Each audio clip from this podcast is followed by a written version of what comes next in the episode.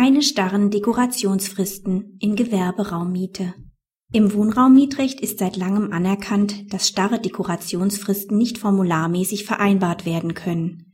Der siebte Zivilsenat hat diese Rechtsauffassung jetzt für das Gewerberaummietrecht übernommen. Im Gewerberaummietvertrag ist vereinbart, dass der Mieter, ein Änderungsschneider, die übernommenen Schönheitsreparaturen nach festen Zeitintervallen durchführen muss. Vor dem BGH scheitert der Vermieter mit seiner Feststellungsklage. Schönheitsreparaturen sind nach 535 Absatz 1 Satz 2 BGB vom Vermieter zu tragen. Eine Überbürdung auf den Mieter kann zwar auch formularmäßig erfolgen, dann muss aber der Maßstab der Paragraphen 305 fortfolgende BGB eingehalten werden.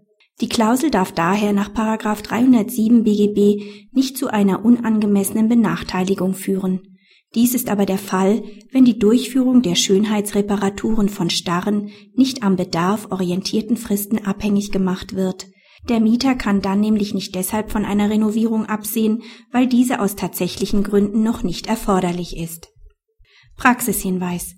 Die lange erwartete Entscheidung des Gewerberaummietsenats überrascht nicht, weil sich der Senat nur der zum Wohnraummietrecht unbestrittenen Meinung anschließt.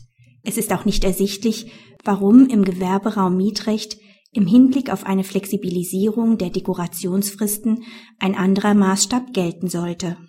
Ob diese Rechtsprechung für das Gewerberaum Mietrecht vergleichbar gravierende Folgen wie im Wohnraum Mietrecht haben wird, darf bezweifelt werden. Denn hinsichtlich der Anmietung von Industrieanlagen dürfte die Klausel aus praktischen Erwägungen kaum Anwendung gefunden haben.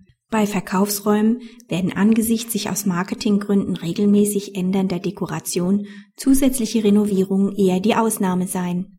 Anders hingegen bei der Büroraummiete. Hier kann die neue Rechtsprechung von erheblicher Bedeutung sein und ähnliche finanzielle Auswirkungen für den Vermieter zeitigen wie in der Wohnraummiete